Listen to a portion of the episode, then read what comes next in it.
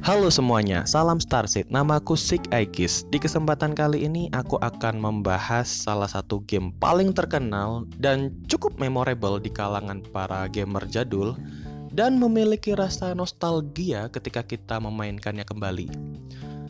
Game ini memiliki sistem permainan RPG dan merupakan installment paling sukses dalam sejarah franchise Game ini bernama Final Fantasy VII dan secara kebetulan tahun ini tepatnya bulan ini di acara E3 2019 dirilis trailer terbaru di mana Final Fantasy VII di remake dengan grafis yang lebih bagus dan mungkin dengan playability yang baru juga.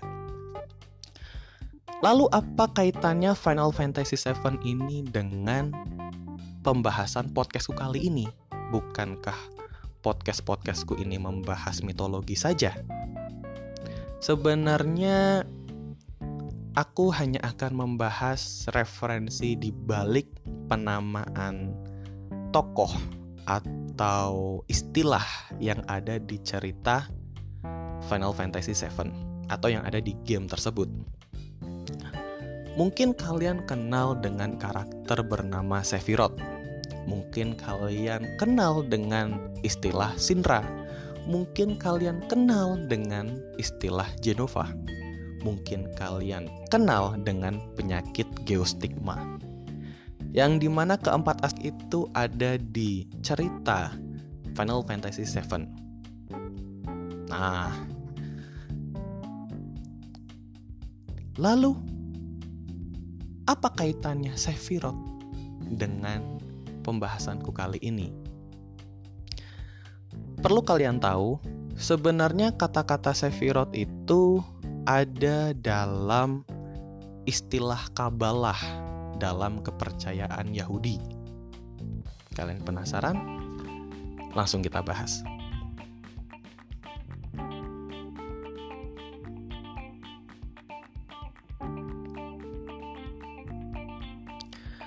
Kabalah secara harfiah berarti menerima dalam pengertian tradisi yang diterima adalah sebuah bentuk esoterik dari mistisme Yahudi yang berupaya untuk menyingkapkan pengertian-pengertian mistis terselubung dalam tanah kitab suci Ibrani atau yang kita kenal dengan kitab Taurat.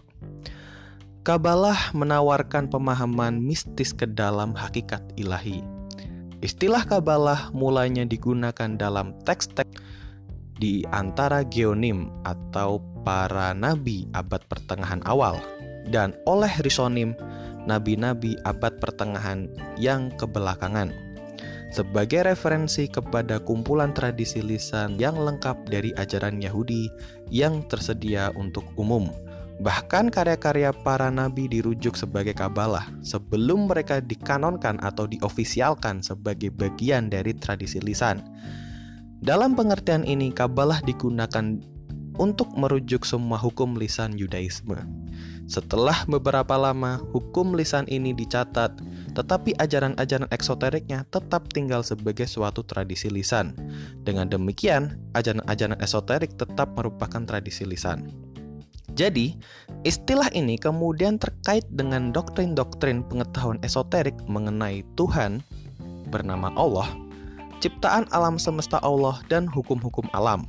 Alasan-alasan untuk perintah-perintah di dalam Torah atau Taurat dan cara-cara Allah mengatur keberadaan alam semesta. Kini bahkan ajaran-ajaran esoterik Taurat dicatat tetapi tetap dikenal sebagai Kabalah.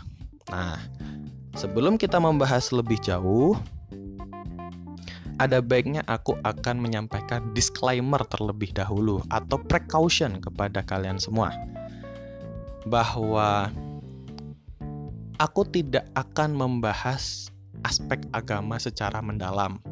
Aku hanya akan membahas pengetahuan-pengetahuan umum yang sifatnya hanya ada di permukaan kalau kalian penasaran lebih dalam, mungkin kalian bisa menguliknya sendiri atau mungkin kalian bisa cari-cari sendiri tentang pemahaman-pemahaman terkait dengan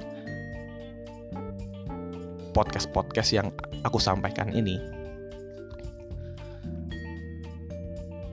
Tapi dalam podcast-podcastku tidak ada maksud untuk menyinggung salah satu ajaran agama tertentu.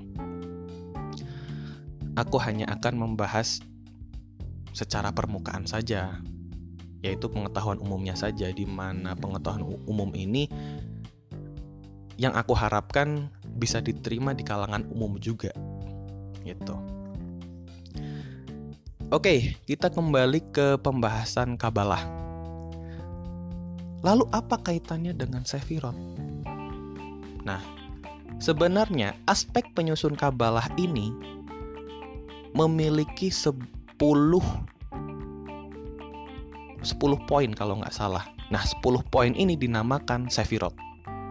Hah, apa itu Sefirot? Oke, langsung kita bahas ya.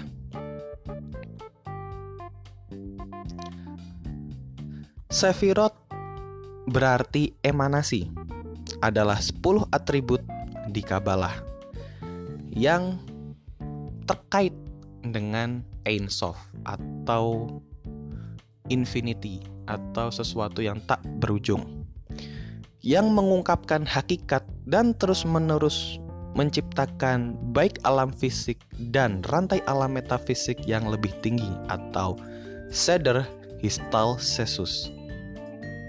Nah, kita bahas satu-satu dulu ya. Berarti Sefirot ini erat kaitannya dengan Kabalah. Kabalah erat kaitannya dengan mistisme Yahudi atau kepercayaan yang dianut oleh penganut kitab Taurat. Yang berarti menerima atau sebuah tradisi yang harus diterima di mana Sof menurut penuturan rekan-rekanku ini merujuk pada sosok Tuhan atau sosok yang divine. Sosok yang menggambarkan sifat-sifat ketuhanan atau bisa jadi Sof ini merujuk pada Tuhan bernama Allah. Nah berarti Sephiroth ini erat kaitannya dengan sebuah tradisi di mana para penganutnya harus menerima ajaran-ajaran yang datangnya dari Tuhan, yang datangnya dari sifat-sifat ketuhanan, yang datangnya dari sosok yang divine, entah itu mungkin Allah, entah itu Tuhan yang lain. Tapi yang jelas, Sephiroth ini merupakan aspek yang menggambarkan sifat-sifat ketuhanan. Ada 10 sefirot berarti ada 10 aspek ketuhanan. Nah, kita mengenal sosok Sephiroth dalam cerita Final Fantasy VII ini digambarkan sebagai sosok yang antagonis. Berbeda dengan pemahaman yang dianut oleh ajaran Yahudi, di mana Sefirot merupakan aspek dari Kabbalah, di mana Kabbalah sendiri itu berarti menerima sebuah ajaran yang datangnya dari sosok yang divine. Ini memiliki ya bisa dibilang sebuah konsep yang sangat berbeda lah bumi dan langit gitu. Yang satu karakter antagonis, yang satu adalah konsep ketuhanan yang mungkin para penganutnya menganggap ini baik. Nah, aku sendiri tidak tahu apa yang dikonsepkan oleh pembuat cerita Final Fantasy VII ini kenapa menamai karakternya Sephiroth aku tidak tahu sama sekali tapi yang jelas Sefirot itu ada dalam pengetahuan mistisme Yahudi terkait dengan Kabalah. Lalu kalian dalam film Advent Children atau dalam cerita Final Fantasy VII mengenal sebuah penyakit bernama geostigma. Nah, tadi dalam pembahasan Kabalah dikatakan ada sosok nabi-nabi abad pertengahan yang disebut geonim. Mungkin saja ada sebuah benang merah antara geonim dengan geostigma. Di mana kalau kita membahas secara bahasa, geo itu berarti dunia, stigma berarti sebuah keyakinan yang saklek atau keyakinan yang pokoknya seperti itu. Kalau kalian belum tahu stigma, akan aku kasih contoh. Stigma itu contohnya seperti ini. Kalau anak laki-laki harus dipakaikan pakaian berwarna biru. Kalau anak perempuan harus dipakaikan pakaian berwarna biru muda. Kalau anak cowok harus memakai celana, kalau anak cewek harus memakai rok. Itu stigma sebuah pemahaman atau sebuah tradisi yang dipercaya oleh masyarakat banyak dan secara turun-temurun itu diajarkan. Berarti di sini kita bisa melihat bahwa geostigma bisa jadi sebuah ajaran yang dibawa oleh geonim yang diturunkan secara turun-temurun dan ajaran ini terkait dengan kabalah, terkait dengan mistisme Yahudi atau terkait dengan ajaran agama Taurat atau ajaran pada kitab Taurat. Nah, kok digambarkan sebagai penyakit? Bukankah ini berbeda dengan referensi aslinya? Ya, ini sih terserah.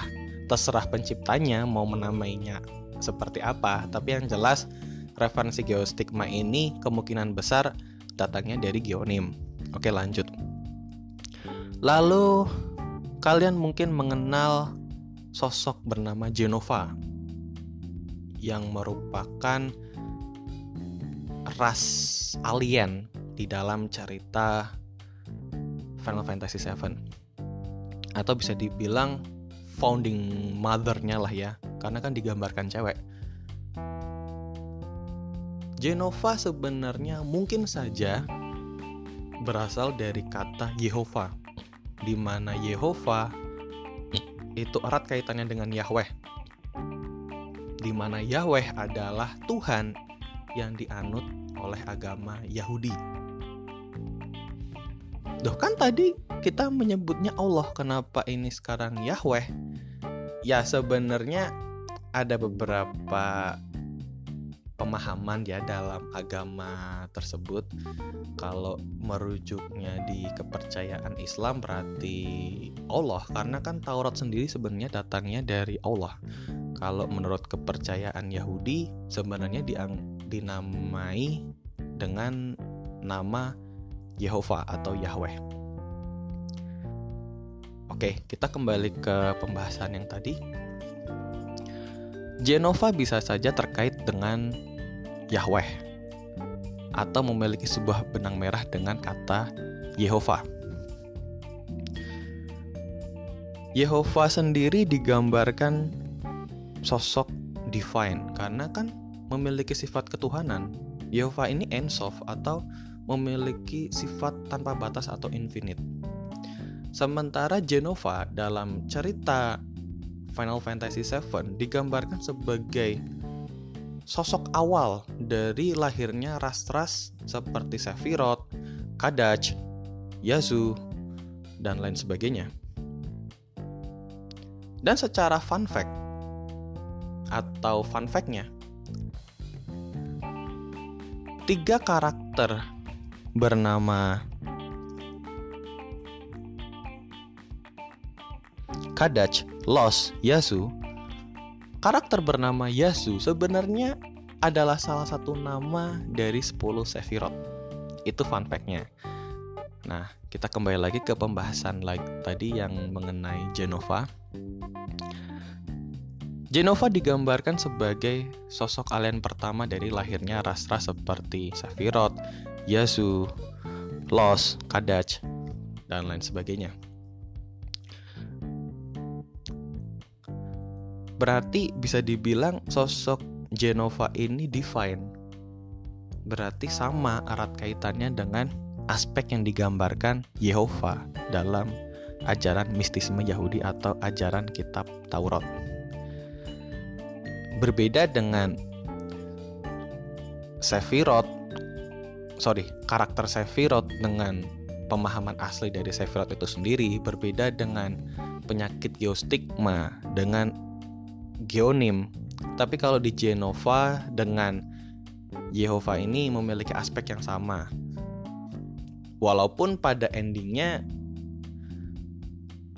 keturunan-keturunan dari Genova ini ya bisa dibilang antagonis antagonis semua atau musuh-musuh di dalam cerita Final Fantasy VII tapi aspek divine-nya masih tetap terjaga. Lalu yang terakhir adalah Shinra. Shinra itu diambil dari bahasa Jepang yang berarti all of nature. Nah, apa kaitannya all of nature atau Shinra dengan pembahasan kita sebelum itu.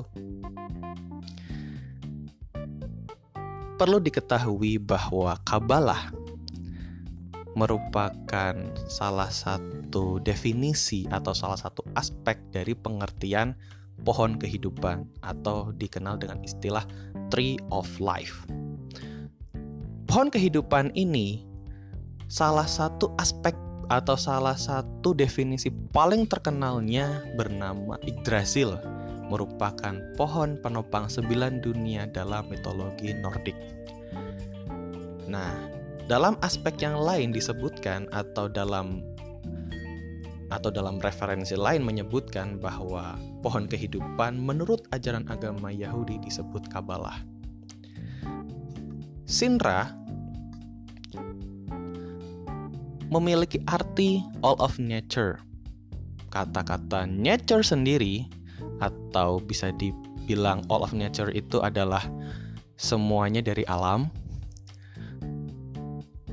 Semuanya dari alam ini berarti ada dong erat kaitannya dengan pohon kehidupan karena pohon itu kan juga merupakan aspek dari alam. Benar tidak? Berarti Sinra ini bisa merujuk pada konsep alam atau bisa juga merujuk pada konsep pohon kehidupan yang akhirnya menyambungkan antara konsep Kabbalah, konsep Sephiroth, konsep Geonim, atau konsep Genova dalam satu lingkar besar pemahaman yang disebut mistisme Yahudi.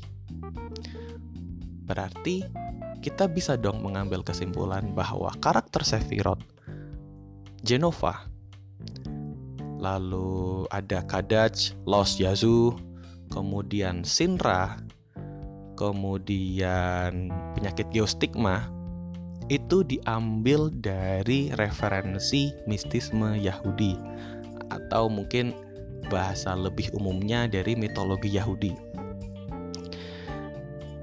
Nah, Itulah hal yang mau aku sampaikan di mana referensi dari Final Fantasy VII ini terkait dengan mistisme Yahudi atau mitologi Yahudi. Apabila kalian memiliki antitesis dari pendapatku ini, atau kalian punya pendapat yang lebih menarik untuk didiskusikan, kalian bisa email ke gmail.com atau ke nomor 085640540570. Tapi perlu aku kasih disclaimer, aku hanya menerima chat WA saja ya. Karena nomor tadi itu nomor WA. Jadi aku hanya menerima chat, aku tidak menerima telepon, aku juga tidak menerima SMS. Zaman gini loh SMS Aku hanya menerima chat saja. Karena bisa dibilang aku juga tidak senggang-senggang amat sih bikin podcast ini. Aku juga butuh waktu luang untuk membuat podcast-podcast seperti ini dan butuh waktu luang itu pasti aku tidak bisa untuk membahasnya lebih detail lagi atau uh, mungkin aku hanya memiliki kesempatan yang lebih dalam ketika aku gimana ya bahasanya? Mungkin aku hanya memiliki kesempatan membahas poin-poin yang aku sampaikan ini hanya lewat chat saja karena ya aku sibuk gitu. Oke, itu saja yang bisa aku sampaikan. Sekian. Terima kasih sudah mendengarkan. Sampai jumpa di podcast-podcastku selanjutnya. Bye bye.